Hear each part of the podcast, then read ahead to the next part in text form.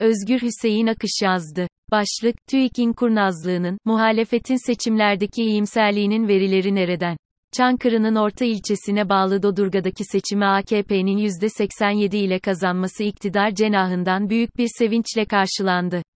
İstatistiksel analiz yöntemiyle elde edilen veriler ışığında varsayımlar yapmak, %100'lük bir doğruluğu yansıtmasa da çözüme yönelik neler yapılması gerektiğine dair önemli sonuçlara ulaşmak nedeniyle kıymetlidir.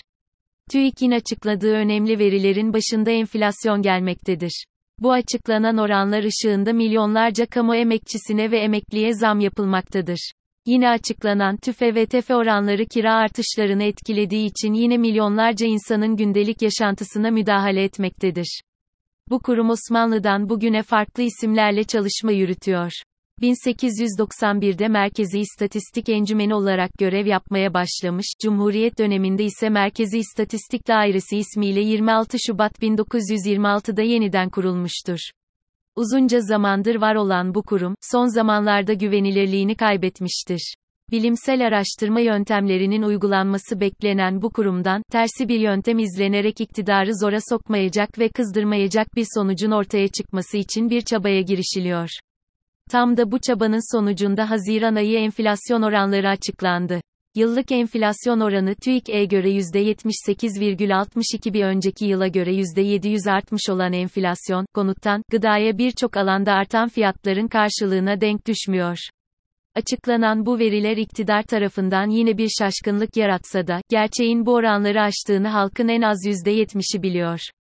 Asgari ücrete, kamu emekçilerine ve emekliye gelen zamlar ile birlikte temel ihtiyaçlar başta olmak üzere gelen zamlar halkın TÜİK'in enflasyon oranlarıyla örtüşmüyor. Ankara'da ekmeğe yine zam geldi. 4 TL oldu. Enflasyon Araştırma Grubu'na göre ise yıllık enflasyon oranı %175,55 olarak açıklandı. Gerçek enflasyona en yakın verilerin bu olduğu, buradan bir ekonomik kriz değerlendirilmesi yapılmasının doğru olacağı kesin. Muhalefetin kriz değerlendirmeleri bu veriler ışığında olsa da, krizin kaynağını oluşturan, piyasa ekonomisiyle herhangi bir sorun olmayan, hatta bu krizin temelini atan adımların sorumlularından birisi olan ve şu an altılı masada yer alan Babacan'ı, ekonomi dümeninin başına getirmek dışında bir çözüm önerisi açıklanmadı.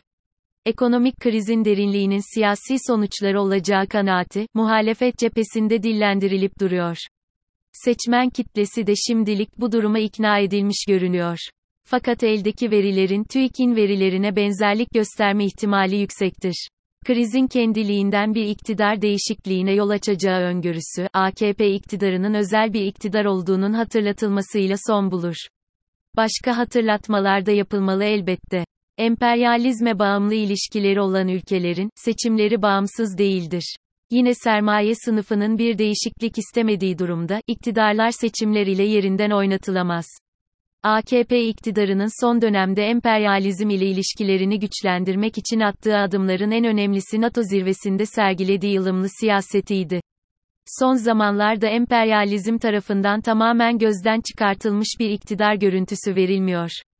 Bu koşullarda seçimlere odaklanmış, iyimser bir tablonun çizilerek halkın büyük bir kesiminin yaşadığı ekonomik çıkmazlarına çare beklentisinin oluşturulması, muhalefet için bugün için iş görür bir siyasi müdahale gibi görünmekte.